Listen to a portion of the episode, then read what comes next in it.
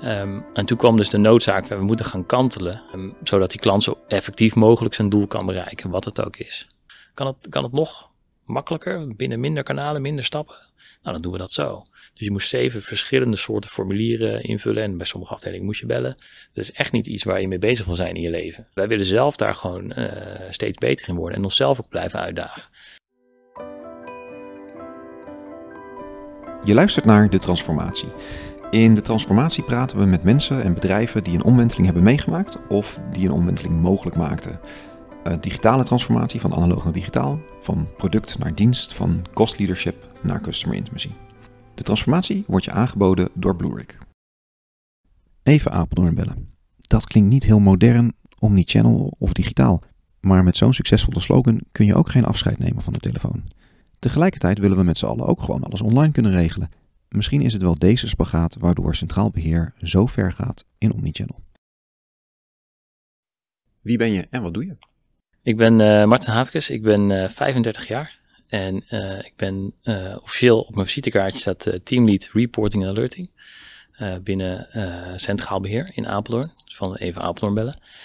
Um, en mijn team is onderdeel van het analytische team van ongeveer 60 mensen van Centraal Beheer Particulier. Ik zag jou spreken op het Digital Transformation Congres. En uh, daar vertelde je een verhaal met heel concrete voorbeelden over ja, wat analytics eigenlijk doet binnen centraal beheer. Hele mooie voorbeelden. En daar vertelde je ook dat eigenlijk de hele organisatie gekanteld is van teams die ingericht waren, nou eigenlijk een beetje in traditionele silo's, producten, naar uh, teams waarbij een team verantwoordelijk is voor een customer journey. Kan je daar iets over vertellen? Ja, zeker. Uh, we hadden nogal verzuilde organisatie, uh, waarbij uh, ja, je als producteigenaar of als kanaaleigenaar heb je best wel veel macht. je hebt veel zeggenschap over hoe, hoe het in jouw stukje van de winkel staat. Ehm, maar wat wij zagen is dat klanten die denken zo niet, ze zijn ook niet zo ingericht en hebben daar ook lak aan. Um, maar als een, een, klant zeg maar, van het ene product naar het andere product gaat, of van het ene kanaal naar het andere kanaal gaat, dan ging het eigenlijk altijd mis. Uh, en dan konden wij aan klanten steeds slechter uitleggen van ja, dat komt omdat wij aan de achterkant zo georganiseerd zijn. Um, en toen kwam dus de noodzaak van we moeten gaan kantelen en we moeten ons anders gaan organiseren. En toen hebben we gezegd nou, in die tijd, hè, want we hebben het wel over een paar jaar geleden, um, we moeten ons meer omnichannel gaan organiseren. Hè, dus we moeten in alle kanalen zijn waar de klant ook is. En uh, het moet ook in alle kanalen moet het gelijk zijn. Je moet uh, het uitgangspunt van wat de klant wil bereiken, het, het, doel van wat hij heeft voor het contact wat hij met jou legt, dat moet je leidend maken, zeg maar. En dat moet overstijgend over die kanalen heen, uh, moet dat in, ingericht worden. Um, zodat die klant zo effectief mogelijk zijn doel kan bereiken, wat het ook is. Dus als je naar zo'n team kijkt die voor één klantreis verantwoordelijk is, dan zijn ze eigenlijk verantwoordelijk voor één specifiek doel wat een klant zou kunnen willen bereiken. Ja, klopt. We hebben in totaal uh, 22 ik noem het altijd journey leaders, maar dat is, dat is een oude term. Eigenaren van een klantreis. Um, um, ja, klantreiseigenaren, dat is volgens mij het woord dat we nu hanteren. Bij Centraal Beheer gebruiken we zoveel mogelijk Nederlandse termen. En um, we hebben een vakgroep opgericht, uh, blije klanten. En alle uh, journey-eigenaren zitten in die vakgroep. En de vakgroep blije klanten, ja, dat zegt het in principe al in, in de naam. Die is erop gericht hoe kunnen we klanten nou steeds blijer maken. En dat kan zijn blijer in het uh, in het gemak van het contact. Maar het kan ook zijn uh, blij verrast worden als ik al heel lang niks heb gehoord van de verzekeraar. Of ja, als we iets niet goed hebben gedaan, dat zo goed mogelijk weer herstellen. Um, en, ja, en zo goed mogelijk proberen die verschillen die er dus waren en soms nog zijn over die kanalen heen, om die zo glad mogelijk te strijken. Um, en wij zien dat het het beste werkt als je daar één iemand of een groep van mensen verantwoordelijk maakt voor een klantreisdoel. Nou, als je het hebt over de dingen die misgingen, waren dat de kleine dingetjes? Hè? In het ene kanaal ben je je en in het andere kanaal ben je u? Of waren dat echt wel wezenlijke dingen? Nee, dat zijn echt wel wezenlijke dingen. Um, het kan zo zijn dat um, je, geeft bijvoorbeeld je verhuizing door, uh, dat je dat uh, in het ene kanaal doorgeeft. En dat dat kanaal dan aan jou teruggeeft, nou, dat is prima doorgekomen. Maar dat dat niet uh, betekent dat het op al jouw producten, in alle kanalen, ook daadwerkelijk wordt doorgevoerd. Um, of dat jij ervan uitgaat dat je hele huishouden dan wordt verhuisd. Maar dat alleen jij als persoon, als individu dan bent verhuisd.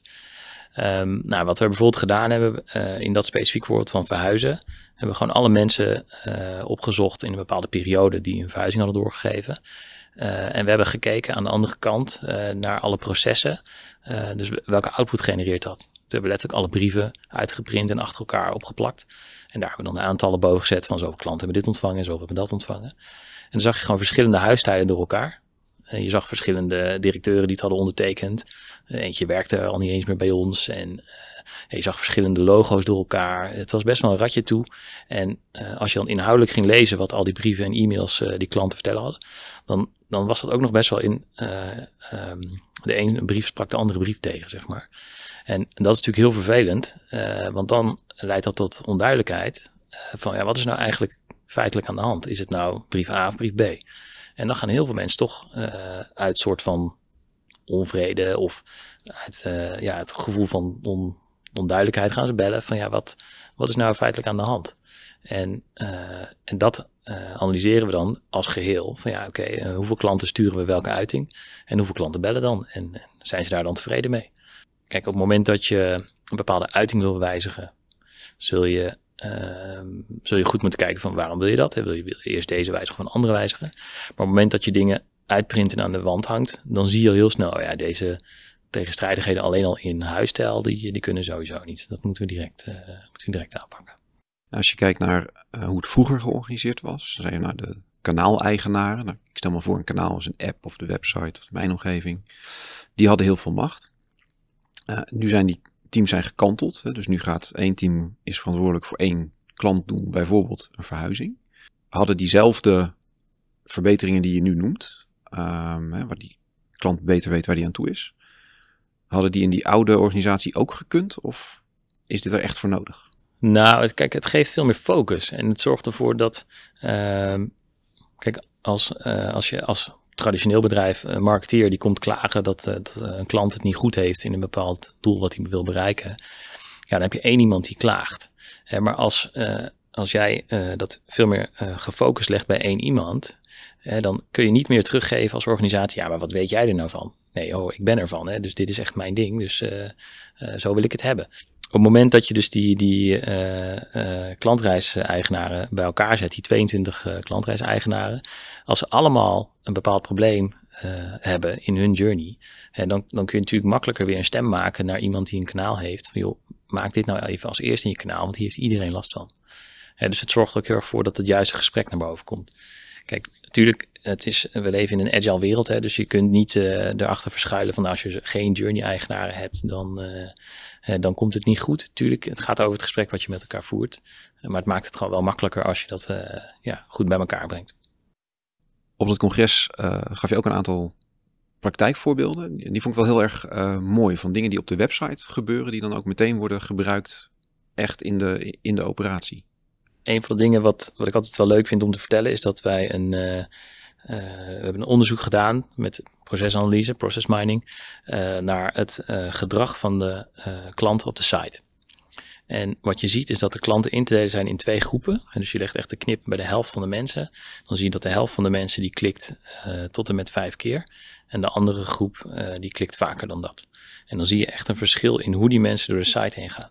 Dus je ziet dat de mensen die uh, tot vijf keer klikken, uh, of tot en met vijf keer klikken, uh, die zitten echt in de categorie snel klikken en je dan opbellen en zeggen, joh, stomme site staat er niet.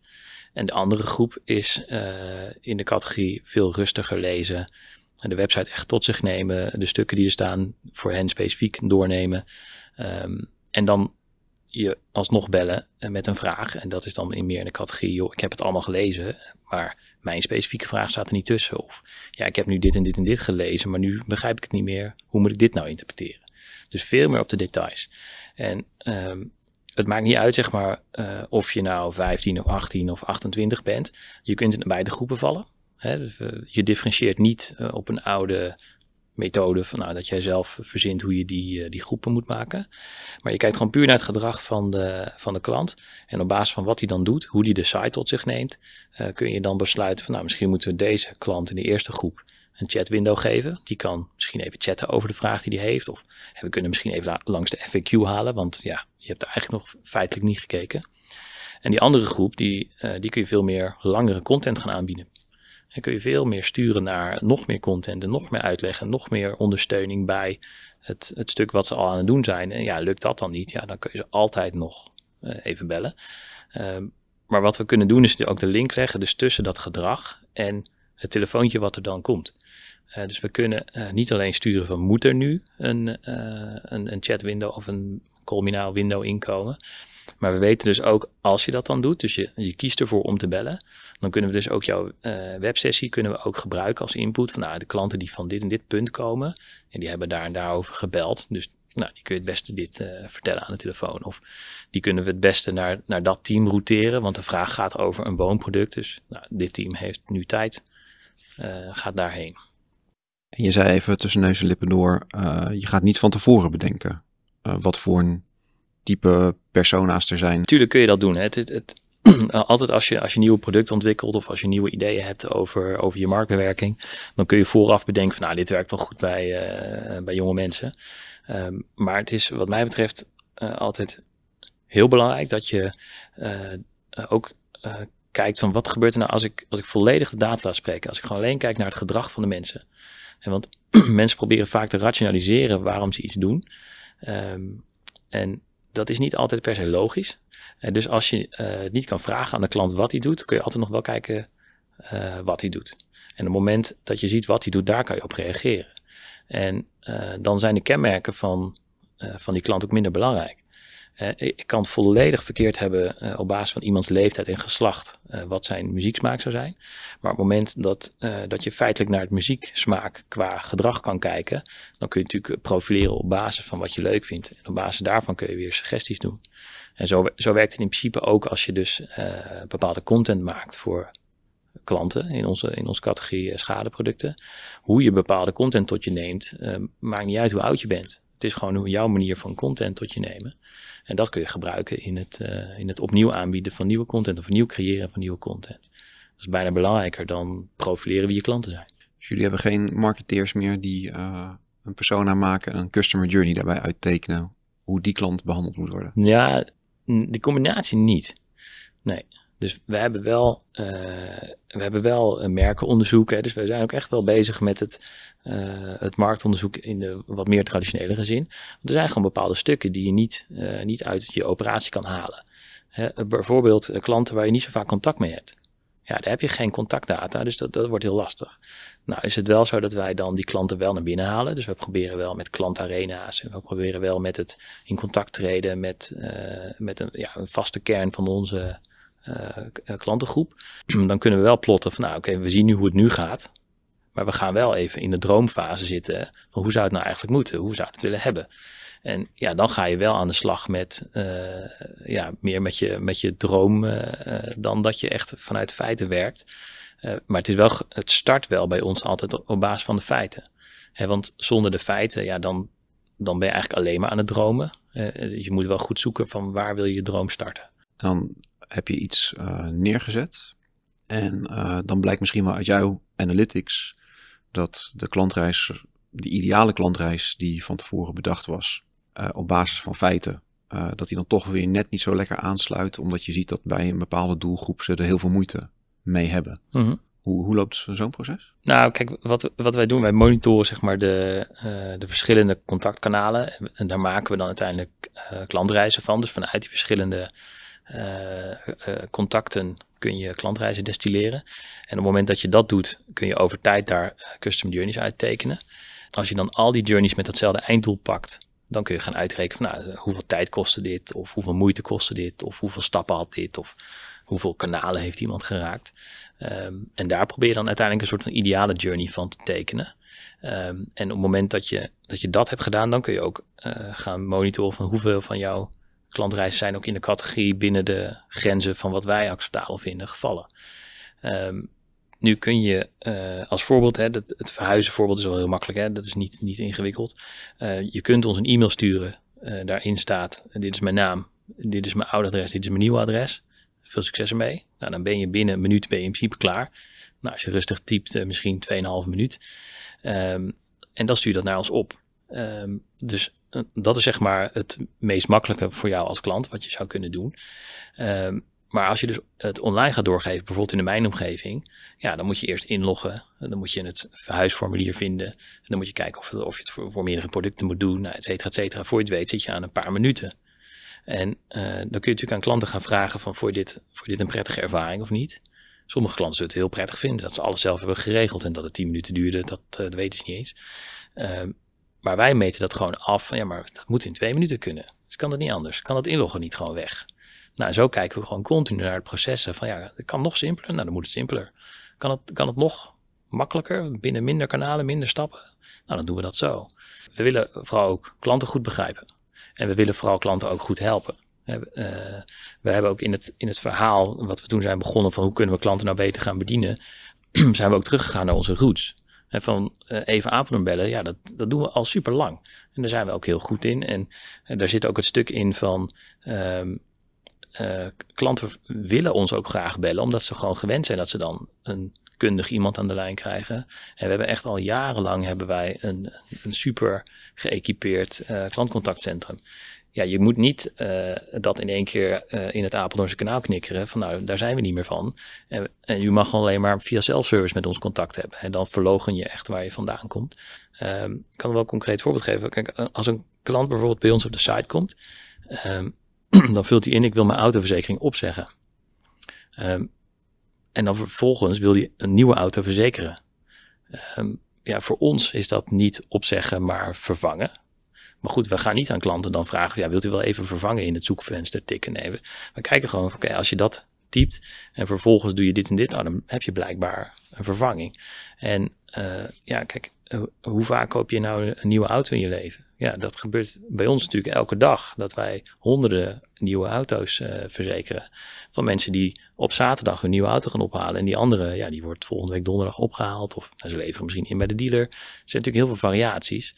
En uh, dat is voor jou als klant nog best wel een onzeker moment. Van wat, wat moet ik nou precies doen? En ben ik dan niet dubbel verzekerd? En hoe gaat dat dan? En wanneer gaat deze in? En wanneer krijg ik mijn papieren? En hoe werkt dat? En voor ons is dat gewoon dagelijks business. Dus voor ons is het ook eraan gelegen om eigenlijk alle onduidelijkheid eruit te halen. Uh, omdat het dan ook veiliger voelt. Weet je, uiteindelijk is het, is het heel belangrijk dat je, dat je een goed gevoel hebt bij het product wat jou ook echt moet beschermen als het een keer niet zo goed gaat. Als je gewoon een keer vette pech hebt. En als je dan zo heel kritisch naar zo'n proces kijkt, ben je dan ook een beetje een vervelend iemand of, of leeft dat heel breed binnen zo'n uh, zo'n klantreisteam? Nee, binnen de klantreisteams leeft dat, leeft dat heel breed. En ik denk dat het binnen centraal beheer überhaupt heel breed leeft. Um, ik kom echt maar heel zelden een collega die tegen, tegen mij zegt van nou laat het maar zo staan, joh, eh, wie, wie merkt dat nou? Vooral het moment toen we hebben uitgesproken naar elkaar van ja nee, we gaan niet wachten tot iemand anders dicteert van nou zo moet het in de markt worden. Uh, wij willen zelf daar gewoon steeds beter in worden en onszelf ook blijven uitdagen. En want dat is natuurlijk de leukste uitdaging. Uh, kijk, je moet ergens wel uiteindelijk ook je, je eigen benchmarks neerzetten. En, uh, en wat wij hebben gezegd, we, we, we, vragen wel aan klanten wat ze ervan vinden. We, we, valideren ons wel aan klanten. Maar we gaan vooral ook intern kijken. Van als wij vinden dat iets in twee minuten kan, ja, dan gaan we ook kijken hoe vaak we dat ook binnen die twee minuten redden. En op het moment dat je dat met elkaar uitspreekt, en dan zie je vervolgens dat iedereen er 16 minuten over doet. Ja, dat is natuurlijk dan wel schrikken. En, maar dat is dan ook gelijk een collectief schrikken van jongens, dit, dit kan gewoon niet meer. We moeten iets nieuws verzinnen. En uh, en dat is dan wel interessant als je dan ziet wat voor energie daar vrijkomt als je dan uh, dingen voor klanten voor elkaar maakt. Uh, toen wij begonnen aan het, het wijzigen van je rekeningnummer, moest je dat niet overdrijven. Op zeven plekken binnen het bedrijf moest je dat doen. Dus je moest zeven verschillende soorten formulieren invullen en bij sommige afdelingen moest je bellen. En dan had je het uiteindelijk voor elkaar gekregen dat je je rekeningnummer had gewijzigd. Dat is echt niet iets waar je mee bezig wil zijn in je leven. dus nu kun je dat op één plek doen en dan wordt het vervolgens voor je geregeld op al die zeven plekken. Best wel klantgericht, best wel logisch eigenlijk, maar ja, dat hadden we nooit. dus, uh, en op het moment dat je dus dan van die zeven uh, handmatige formulieren dus elke keer eentje kan afvinken die hoeft niet meer, dat gaat nu automatisch. Ja, dan zie je gewoon dat mensen ook gewoon heel blij worden dat ze dat voor klanten kunnen, kunnen waarmaken. Wat me opvalt is dat heel veel bedrijven zijn met name bezig met die, die nieuwe klant telkens maar nieuwe klanten binnenhalen. Maar die bestaande klanten die negeren ze een beetje. De, de achterdeur staat wagenwijd open. Uh, en wat ik het leuk vind aan jouw voorbeeld is dat ja, je, je gaat, het gaat over verhuizen, het gaat over een nieuwe auto. Dat richt zich met name, lijkt het, op uh, bestaande klanten. hoe komt dat? Nou, dat is denk ik het gevolg van het, het hebben van een hele loyale klantenbase. En ehm, het, het ehm, werk van de vakgroep Blij Klanten is ook heel belangrijk hierin geweest. Die hebben een, een plot gemaakt van waar zitten nou onze klanten en hoe vaak hebben we nou contact met deze klanten of hoe, blij zijn deze klanten. verschillende doorsnijdingen, doorsnijdingen gemaakt. En een van de dingen die wij zagen is dat ehm, klanten die ons ervaren, dus eh, doordat ze uh, bijvoorbeeld een kleine schade hebben. Um, natuurlijk is een schade hebben is helemaal niet leuk. Maar dan merken ze opeens, oh ja, maar hierom ben ik klant. En ik word heel goed geholpen. En oh, dit is eigenlijk heel prettig. Oh, dit is veel beter dan ik had verwacht. Oh, ik wist helemaal niet dat jullie dit ook allemaal deden. Nou, dat soort gevoelens, dat zagen we steeds vaker bij, bij klanten terug die dan een kleine schade hebben. Maar we zien ook een hele grote groep die geen schade hebben. Want ja, er zijn ook steeds meer auto's voornamelijk met heel veel rijondersteuning, met parkeersensoren, nou, et cetera. Dus ze worden ook allemaal steeds veiliger. Dus dat is natuurlijk heel fijn. Um, maar wij zeggen altijd gekscherend, we, we gunnen iedereen een kleine schade. Want dan kun je ons ervaren. Nou, uh, nu is dat natuurlijk niet mogelijk. Je kunt niet iedereen uh, helpen aan, uh, aan, een paar krasjes. Um, maar met dat idee zijn we toen wel aan de haal gegaan. En daar zijn de kleine deukjesdagen uitgekomen. dus een, een, event waarbij je als bestaande klant wordt uitgenodigd om uh, ja, drie deukjes te laten uitdeuken. En die deukjes ja, die mogen dan geloof ik een 2 euro munt, zo groot mogen ze maximaal zijn. Uh, en uh, dan word je dus um, ontvangen in Ahoy of in het Gelderdoom of naar een andere mooie plek in de IJsselhallen. en dan word je dus echt door mensen uit Apeldoorn, dus die hier werken, word je ontvangen. En uh, dan gaan de professionele schade-experts met jou, heilige koe, aan de haal. En, en rij naar buiten met uh, nou ja, het hele entertainment wat je dan hebt ervaren. Ik zal niet alles verklappen voor de mensen die nog nooit geweest zijn, wat er dan allemaal gebeurt. Um, maar dan zien we dus dat, dat we iets hebben kunnen neerzetten voor onze bestaande klanten. Uh, ja, wat we niet hadden hoeven doen. Maar waar we wel van zien, van, ja, maar dit is iets wat we wel kunnen doen. En wat ook bijdraagt aan het positieve gevoel wat wij ook willen neerzetten. In een uh, vorige aflevering sprak ik ook uh, met Sparklab. En die waren heel erg bezig met de klant van de toekomst. En die is er nog niet. Uh, dus je weet ook niet zo goed. Je kunt niet doormeten wat die klant nou wel of niet wil op dit moment. hoe gaan jullie daarmee om? Met de klant van de toekomst. Ja, we hebben een kleine zijstap.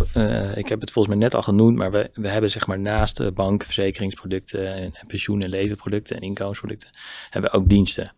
En uh, ja, hoe is dat nou gekomen? Um, wij zagen dat uh, steeds meer uh, smartphones kapot gingen.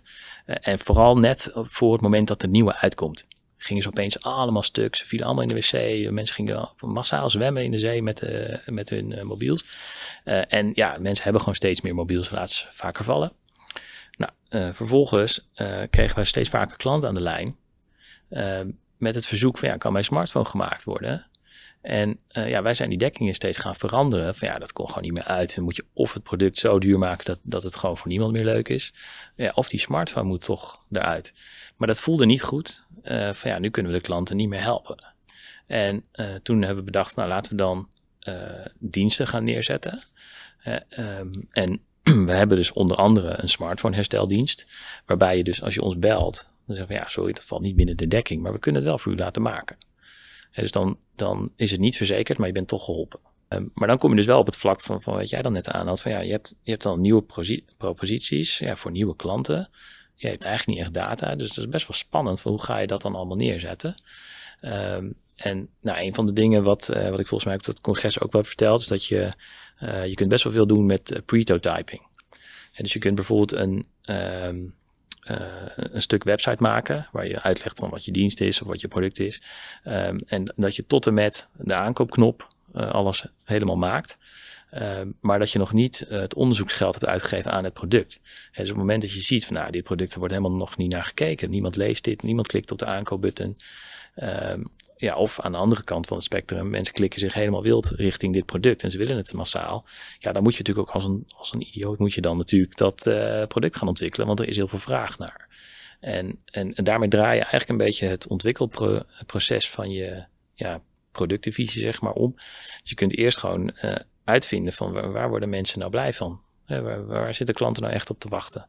En ja, daarin zijn we natuurlijk niet het, enige bedrijf die dat, die dat zo doen. Maar wij, wij, wij durven wel fake doors op, op onze site te zetten. En zo'n fake door, dat is dus een pagina, daar staat het product beschreven, daar staat die aankoopknop. Maar als je daarop klikt, dan kan het toch niet. Nee, ja, klopt. Dus dan, dan, uh, dan verwacht je van, ah, ik stop het in mijn winkelmandje en nu kan ik het daadwerkelijk aankopen. Uh, maar dan kom je op een pagina waar staat van, joh, nou, dit, bedankt voor je interesse, laat hier gegevens achter, dan komen we erop terug. En dan komen we er zo snel mogelijk op terug. En het kan zijn dat je dan nog een tijdje een nieuwsbrief krijgt. Joh, het komt eraan, hier zitten we qua productontwikkeling. Maar het kan ook zijn dat je, uh, dat je kan aanmelden van nou, je wordt dan en dan even gebeld. En uh, dan maken we gewoon echt concreet een afspraak. Wat ik heel mooi vind uh, aan dit verhaal is eigenlijk dat door te organiseren in klantreisteams die een bepaald doel van die klant voor ogen hebben, dat je als het ware meteen in de schoenen van die klant staat. Maar wat zou jouw tip zijn voor een organisatie, voor een luisteraar die nu denkt van ja, ik wil eigenlijk ook wel dat mijn organisatie in de schoenen van die klant gaat staan? Mm Ik denk dat je, uh, dat je vooral moet kijken naar je eigen organisatie alsof je er nog nooit bent geweest. En uh, vooral ook niet laten afleiden van ja, wat je ervan vindt. Hè. Dus, je, dus je, je, je mening die je hebt uh, vooraf gevormd omdat je weet hoe het intern gaat. Uh, dat legt toch vaak een beetje een bril over het proces heen van ja, maar dit kan gewoon echt niet sneller. Of, of dit kan gewoon echt niet anders. En, uh, en dat moet je vooral achter je laten. Je moet vooral gewoon kijken van ja, als ik, als ik hier nou klant ben en ik ben ook nou, klant waar ik overal klant ben, uh, is het dan gewoon conform mijn verwachting? Um, en je hebt echt niet een heel groot budget nodig. Je hebt niet, niet een heel groot ontwikkelteam nodig om, om kleine dingen voor klanten beter te maken. En, en het zit hem vaak in de details. En ja, kijk, als je zelf niet naar die details kijkt, dan leg je ze dus wel bij je klant neer. Uh, en um, het, het, is vaak net een stapje extra zetten. En dat kan iedereen doen. Uh, tuurlijk kun je niet, uh, niet het zo aanvliegen zoals wij dat hebben gedaan. Maar dat is ook onze manier. Weet je wel, zou, zou een ander bedrijf dat op die manier doen, dan werkt dat ook helemaal niet. Dus ik denk dat het heel belangrijk is om, uh, om gewoon naar je processen te kijken alsof je, ja, alsof je net klant bent geworden. Dankjewel. Graag gedaan. Bedankt voor het luisteren naar De Transformatie. De transformatie wordt mede mogelijk gemaakt door Bloerik. Voor meer informatie over Bloerik en voor alle afleveringen van de transformatie kijk je op detransformatie.info. Tot de volgende keer.